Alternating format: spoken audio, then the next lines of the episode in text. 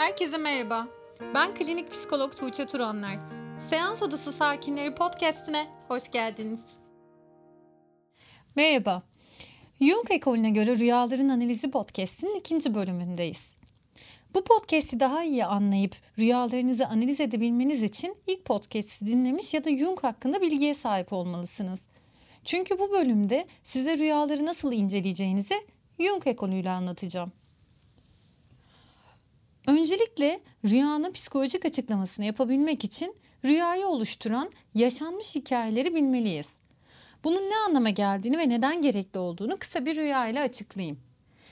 Bir gün rüyamda ormanlık bir alanda yürüyüş yapıyorum. Birdenbire önüme küçük bir köpek çıkıyor.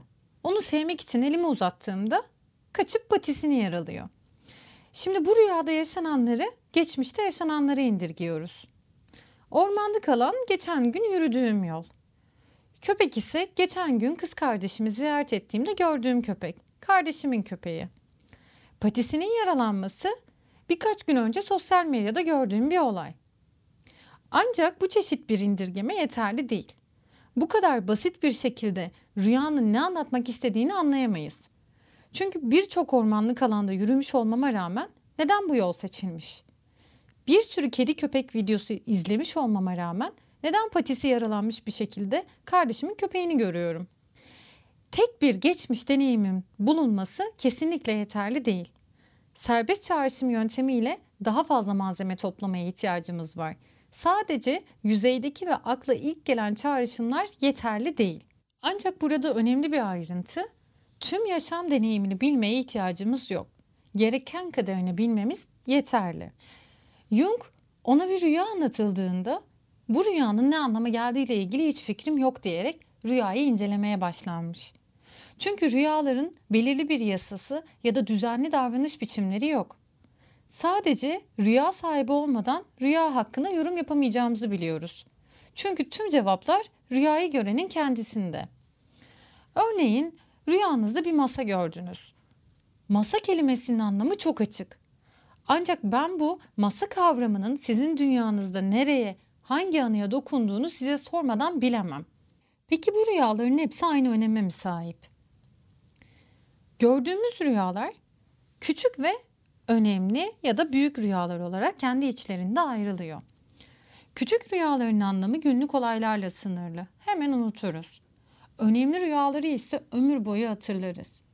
Onları çoğunlukla hayatımızın önemli aşamalarında, ergenlikte, orta yaş başlangıcında veya ölümle yüzleştiğimizde görürüz.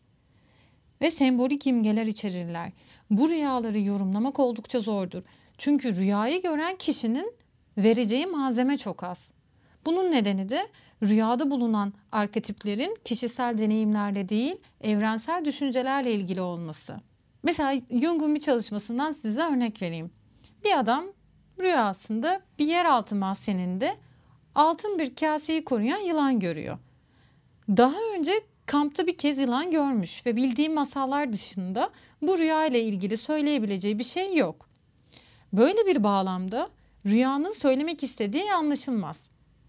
Bu durumda yılan ve ejderha ile hazine ve mağara kombinasyonunu içeren kahramanın hayatındaki bir sıkıntıyı temsil ettiği düşünülen mitolojik hikayeye bakmalıyız. O zaman ortak bir duyguyla aslında kişisel bir deneyim olmayan ama ikinci derece bir deneyim haline gelen duygu dolu tipik bir durumla karşı karşıya olduğumuzu anlarız. Büyük rüyalar pek çok mitolojik motif kullanır. Ejderha, iblis, e, aksakallı bilgi adam, yüksek duvarlı bahçeler yani sıradan bir günde kesinlikle rastlayamayacağımız şeyler. Peki bu rüyalar neden anlaşılır değiller? Çünkü rüya doğal bir oluşum ve insanların beklentilerine göre cevap vermiyor. Rüyaların anlamları hakkında bir şey bilen ama yeterli bilgiye sahip olmayan çoğu insan rüyanın ahlaki bir amacı olduğunu, uyarıda bulunduğunu, ders verdiğini, teselli ettiğini, gelecekten haber verdiğini düşünür. Ancak bunların hemen hemen hepsi doğru olmayan ön yargılar. Rüya analizi bilinç dışına ulaşmamızı sağlayan teknik bir araçtır. Sorunlarımız ya da zorluklarımız hakkında bize bilgi verir. Mesela Küçük çocukların rüyalarını anlamak bazen çok açık bazense zordur. Çünkü çocuk ya kolektif bilinç dışının etkisindedir ya da ebeveyninin bilinç dışı sorunlarını özümsemiştir. Örneğin Jung'un bir hastası rüya görmüyor. Yani hepimiz rüya görüyoruz tabii ki de gördüğü rüyaları hatırlamıyor. Seanslardan birinde bir gün 9 yaşındaki oğlunun rüyalarını Jung'a anlatmaya başlıyor. Jung ne olduğunu o an anlıyor. Çocuk babasının sorunlarını rüyalarında görüyordu ve Jung çocuğun rüyaları aracılığıyla babasını analiz etti. Dört hafta sonra baba rüya görmeye başladı ve çocuk rüyalarında babasının sorunlarıyla uğraşmayı bıraktı. Bir diğer önemli ayrıntı, rüyaları yorumlarken ön yargılarınızdan arınmalısınız. Rüyanızda gördüğünüz kişinin gerçek yaşamdaki kişi olmadığını bilmelisiniz. Yani gördüğünüz rüya gerçek yaşamınızdaki o kişiyle ilgili değil ya da bir kehanet durumu yok. O kişi size bir şey anlatmaya çalışmıyor. Rüya onunla değil sizinle ilgili. Mesela rüyanızda en yakın arkadaşınızın sizi kıskandığını gördünüz ve uyandığınızda evet beni kıskanıyor biliyordum dediniz. İşte bu yanlış bir yorumlama. Rüyanızdaki o kişi sizin diğer yanınız. Peki bu düşleri analiz edebilmek için bir kitap var mı? Tabii ki de yok. Düş yorumlayıcı kitapların birçoğu popüler kültürün hamburgeri. Düşlerinizi yorumlamayı kitaplardan öğrenemezsiniz. Düşlerinizi sizden başka kimse yorumlayamaz. Ancak düşlerinizi yorumlayabilmek için önce kendinizi tanımalısınız. Kendini tanımayan biri bir başkasını tanıyamaz. Her birimizin içinde bir yabancı var. Bizimle düşler aracılığıyla iletişim kuruyor ve birbirimizden ne kadar farklı olduğumuzu anlatıyor. Çıkmaz bir yolda olduğumuzda bizi uyarıyor ve nerede hata yaptığımızı gösteriyor. Rüyalarınızı analiz etmeye başlamak için önce bir rüya günlüğü tutmalısınız. Uyanır uyanmaz rüyalarınızı mümkün olduğunca ayrıntılı biçimde yazın.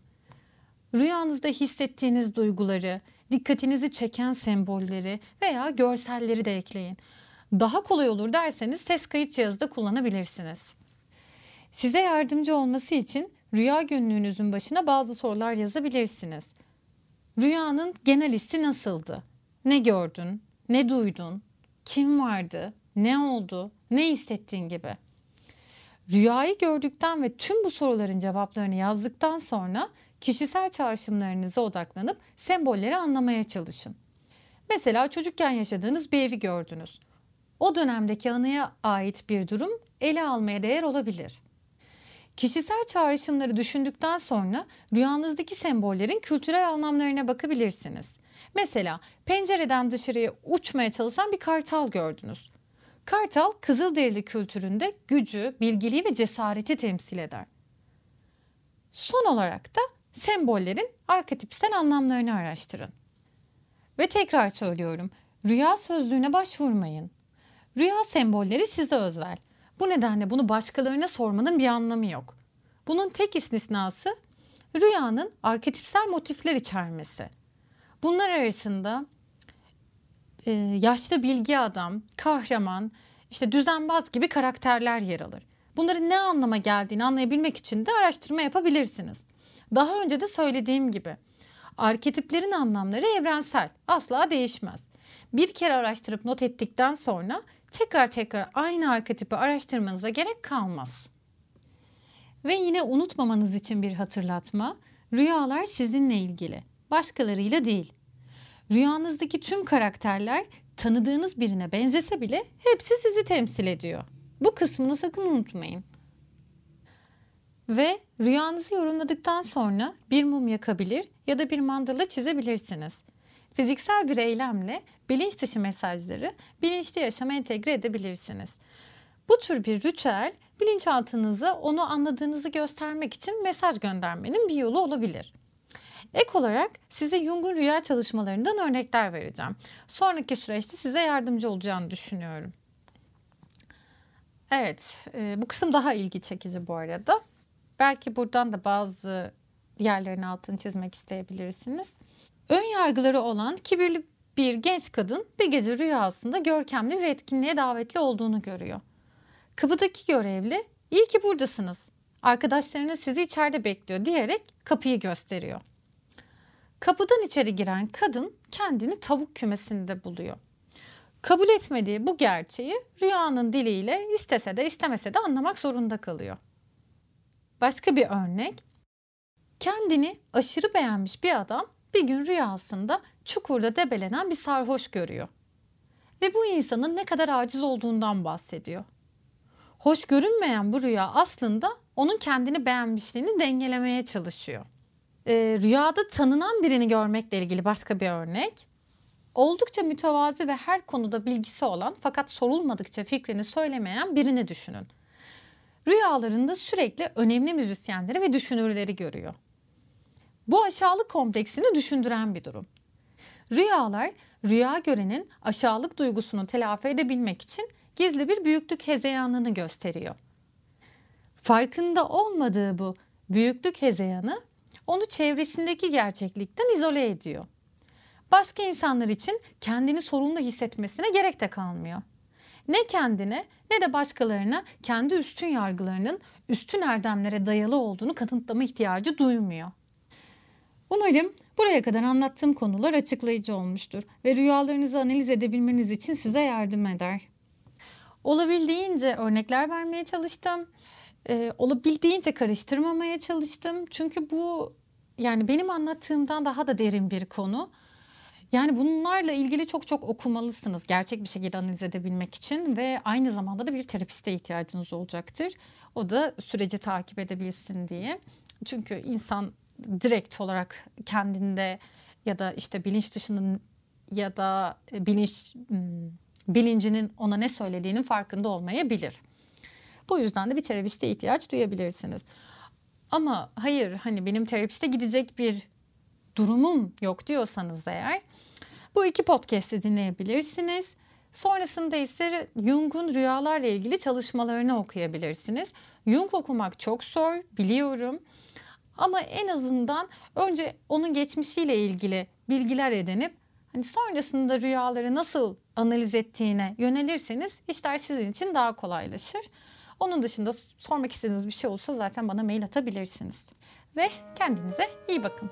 Sonraki podcast'te görüşmek üzere. Bay bay.